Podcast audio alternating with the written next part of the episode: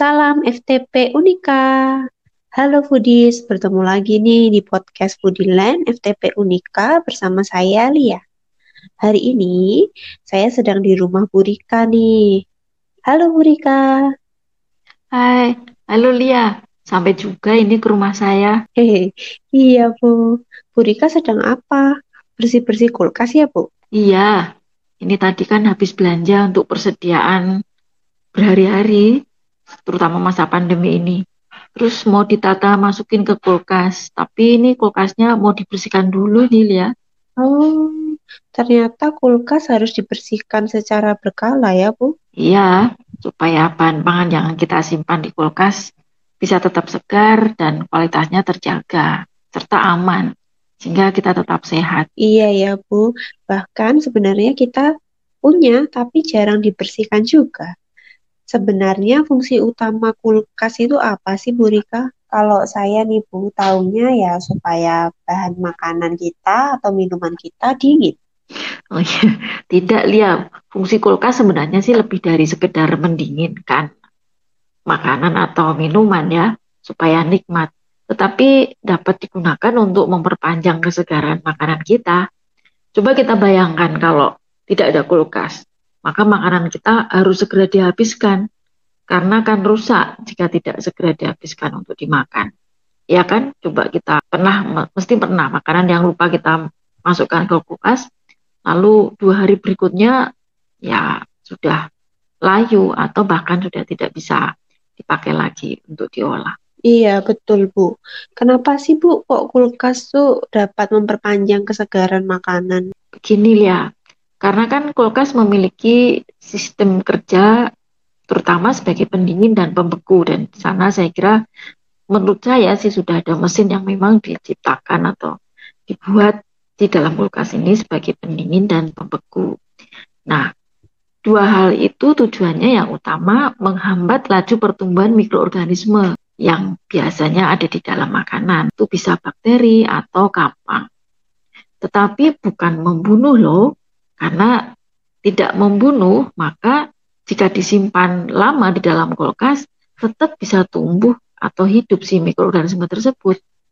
Nah, jika kita dapat menggunakan kulkas dengan baik, maka kita dapat memperoleh manfaat yang maksimal dari kulkas ini, yakni bisa terhindar dari kerusakan fisik, kimia, maupun biologi. Plus bonus lebih nikmat jika kita menginginkan makanan atau minuman yang dingin seperti itu. Hmm, begitu ya Bu Rika. Lalu bagaimana sih Bu cara menyimpan makanan di kulkas supaya kita bisa mendapat manfaat maksimum tadi? Nah, pertama kita harus pahami ruang-ruang yang ada di kulkas. Kulkas kan memiliki banyak ruang dengan temperatur yang berbeda-beda ketika di-on-kan ya, di set begitu. Nah, tipe standar yang ada di rumah tangga biasanya kulkas dibagi menjadi beberapa tempat nih. Misalnya ini bagian atas adalah yang disebut sebagai freezer. Kita paling paling familiar ya tentang freezer.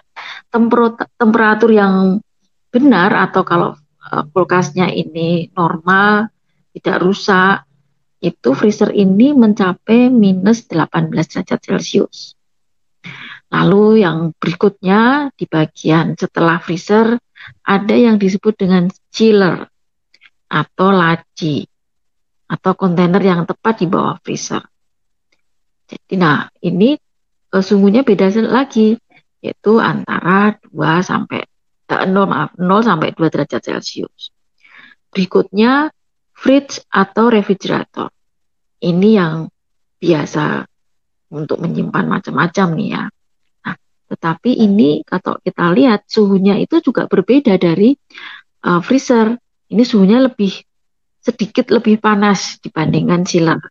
Di sini ada minus 1 sampai 7 derajat Celcius. Dan ruangan fridge ini biasanya menempati ruangan yang paling luas dari semua bagian kulkas.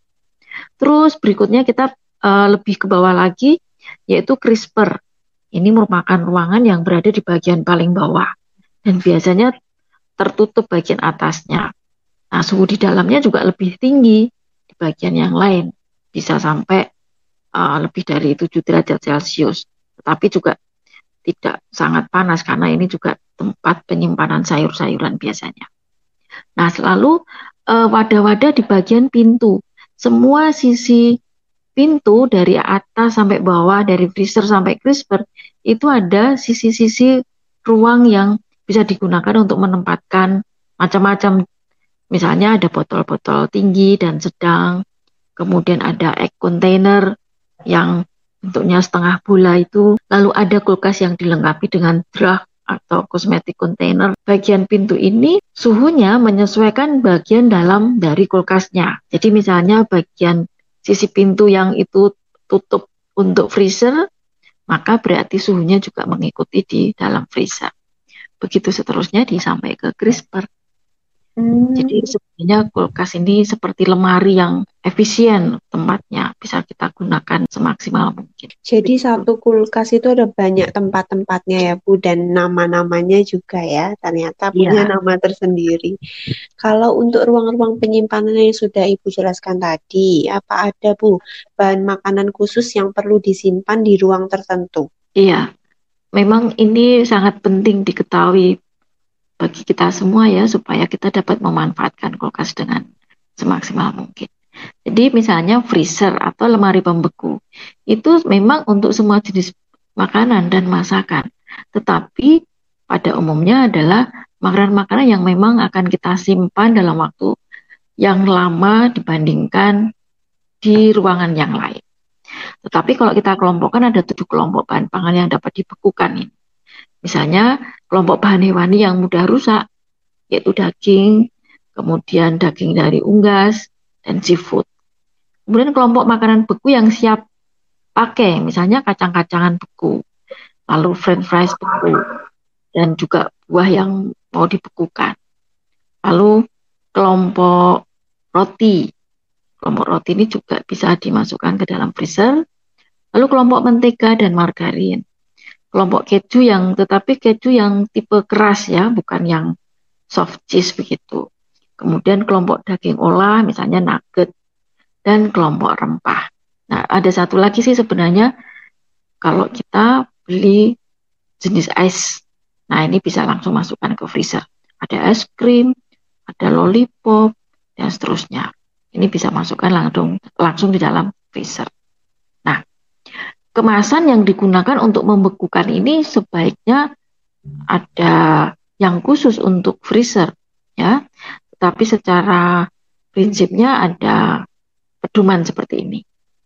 Jadi kemasan yang dapat digunakan untuk membungkus atau mengemas makanan yang masuk freezer itu harus dapat mempertahankan rasa warnanya lalu kelembapan dan kandungan gizi makanan yang mungkin akan uh, bisa sedikit hilang karena udara kering dalam lemari pembeku. Lalu uh, kemasan yang digunakan ini juga mestinya tidak mudah rapuh dan tidak mudah retak jika bersentuhan dengan suhu rendah atau memang akan terkait terpapar suhu rendah maksudnya seperti itu. Kemudian tahan terhadap minyak, lemak dan juga air. Lagi juga tahan harus tahan banting, tahan juga oh, tadi sudah ya. Kemudian mudah ditutup dan mudah diberi label. Lalu tentu saja itu bahan makanan uh, bahannya ini juga harus food grade. Jadi harus apa kemasan yang memang khusus digunakan untuk makanan. Kemudian yang tidak kalah penting lagi adalah kalau itu uh, makanan yang harus ditutup rapat, biasanya juga ditempatkan pada wadah-wadah yang harus bertutup ketat untuk meminimalkan aliran udara atau oksigen. Nah, material yang dapat digunakan yang memenuhi syarat di atas itu bisa berupa gelas yang tebal anti pecah, yang biasanya ada tandanya atau ada tulisannya heat proof begitu. Nah, kalau kita punya wadah yang ada tulisan ini, sebenarnya bisa digunakan untuk uh, makanan yang mau dibekukan tetapi juga nanti kalau kita mau mengeluarkan langsung bisa dimasukkan ke dalam uh, pemanas seperti itu. Jadi ini agak praktis kalau menggunakan material ini.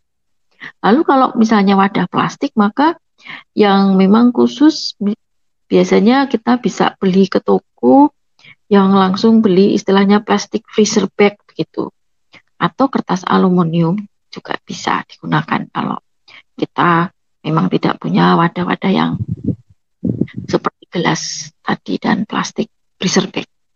Nah, pembekuan yang direncanakan itu memang untuk menyimpan dengan jangka waktu yang lebih lama dari lemari pendingin ini, Lia. Itu untuk pembeku. Kemudian untuk bagian chiller, ini untuk menyimpan produk pangan hewani atau yang lain, tetapi yang akan rusak jika mengalami pembekuan.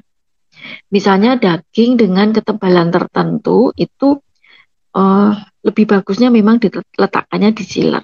Intinya adalah produk-produk yang akan segera diolah, gitu ya, tidak dibekukan dengan keras seperti di dalam lemari pembeku. Nah, kemudian lanjutnya adalah fridge. Ini semua bahan pangan prinsipnya dapat disimpan di lemari pendingin ini yang tidak memerlukan kemasan secara khusus seperti di dalam freezer.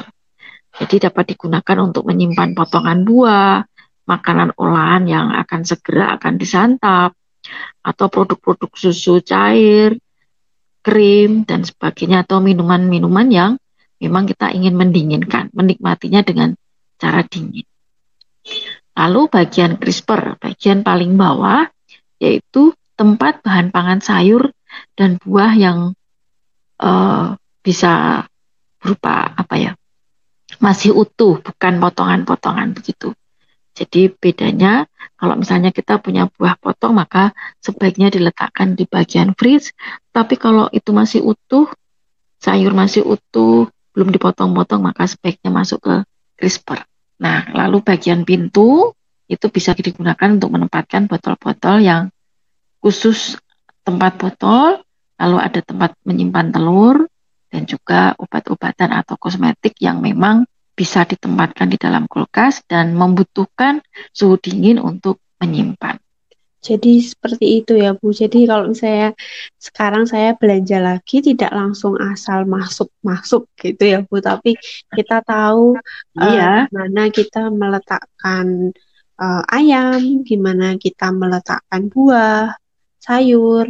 Uh, sebenarnya nih Bu ada cara yang benar tidak Bu meletakkan uh, bahan pangan di kulkas itu? Ada dong. Begini prinsipnya. Jadi yang pertama kita melihat suhu penyimpanan yang disarankan yang ada di kemasan produk. Ini misalnya saya habis ini saya punya yogurt ini. Minuman yogurt ini di labelnya ada tulisan petunjuk penyimpanan. Simpan dalam suhu 1 sampai 4 derajat Celcius.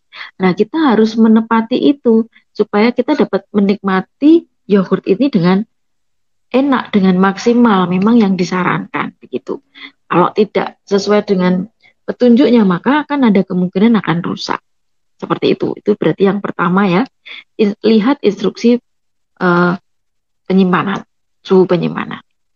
Kemudian uh, yang kedua adalah sebenarnya lebih bagus lagi kalau kita langsung bisa melihat uh, expired date-nya. Begitu. Sehingga kita nanti bisa meletakkan ini expired nya masih lama atau tidak. Berarti kita harus menempatkan di mana nanti akan bisa diatur uh, lebih kelihatan jelas sehingga kita bisa kalau mengkonsumsi apa namanya tidak terlalu jadi maksudnya sesuai dengan kadaluarsanya kalau bisa syukur-syukur tidak sampai batas mepet seperti itu. Jadi kalau tanggal kadaluarsanya satu bulan kemudian, maka ya jangan diminum atau dikonsumsi lebih dari sebulan ini seperti itu. Dan ini caranya adalah menempatkan uh, pada posisi yang begini. Ditempatkan kalau makanan yang baru maka ditempatkan yang lebih belakang. Yang lama kita majukan ke depan. Jadi prinsipnya seperti begini, first in first out begitu. Nah, memang kadang-kadang sulit juga ya, karena kita kepingin, wah hari ini hari ini kepingin buah, begitu ya. Jadi kadang-kadang sulit bagi rumah tangga kita. Nah, kemudian yang berikutnya tidak menumpuk makanan yang akan dibekukan, kecuali memang sudah benar-benar menyimpan bahan pangan di dalam kontainer atau wadah lemari pendingin, ini juga harus ada beberapa pedomannya Misalnya menempatkan segera makanan yang mudah rusak dalam lemari pendingin. Jadi ini belanjaan saya yang uh, tadi kira-kira mudah rusak, maka harus segera dimasukkan dalam lemari pendingin. Kemudian menyusun berdasarkan jenisnya dan terpisah sesuai jenis bahan makanan. Jadi kalau kita uh, mau menyimpan, kita harus pisah-pisahkan jenisnya. Terutama misalnya memisahkan makanan yang mentah dan makanan yang matang. Jadi harus benar-benar pada tempat yang terpisah. Jadi kita tidak boleh menempatkan makanan yang berbeda kelompoknya atau juga makanan yang mentah dan matang dijadikan satu dalam satu wadah. Supaya tidak terjadi cross contamination atau kontaminasi silang antar bahan pangan itu. Kemudian yang terakhir, kita mestinya lebih baik menyimpan makanan dalam jumlah kecil supaya sekali ambil tidak dikembalikan lagi dan menjadi tidak buka tutup wadah penyimpanan. Ini contoh konkretnya misalnya biasanya kalau kita beli kornet misalnya lihat anggota keluarga atau lihat akan masak apa seberapa besar yang akan yang akan kita masak. Kalau beli kornet misalnya itu kontennya besar atau sarden jenis dan olahan makanan yang lain, kita ambil harus sekaligus kita olah. Tidak kita ambil sedikit-sedikit lalu ditutup kembali lalu simpan di lemari es. Ini akan uh, merusak atau akan mengkontaminasi makanan itu.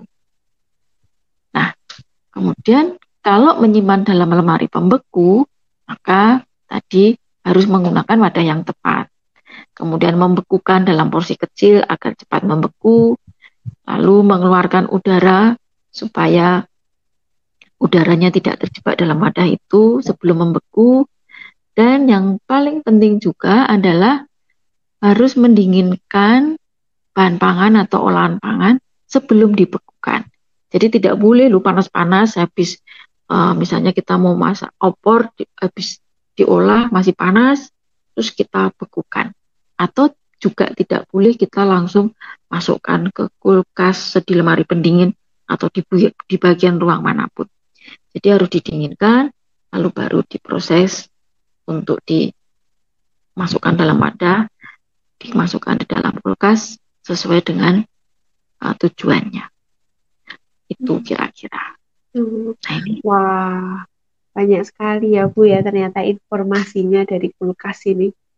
Ternyata memang kulkas itu bukan cuma untuk uh, menyimpan bahan makanan saja atau minuman saja, tapi lebih dari itu kita memang perlu sekali mengetahui manajemen kulkas supaya hidup kita itu juga lebih sehat dengan cara pengaturan suhu yang baik tentunya yang sesuai juga untuk setiap area penyimpanan bahan makanan tertentu supaya uh, memang uh, kita dapat menghambat juga pertumbuhan dari mikroorganisme makanan yang kita simpan ya Bu ya. Betul sekali Lia. Oke Bu Rika, wah kita sudah ngobrol lama sekali nih Bu. Um, kita masak dulu yuk Bu, sudah lapar nih. Terima kasih okay. banyak ya Bu Rika atas informasi Sama-sama. yang diberikan sangat menginspirasi. Oke, okay, sobat Budilen semua, kita pamit undur diri dulu ya. Sampai ketemu di podcast kita selanjutnya. Dah. Ah, yuk kita masak. Oke, okay, Bu.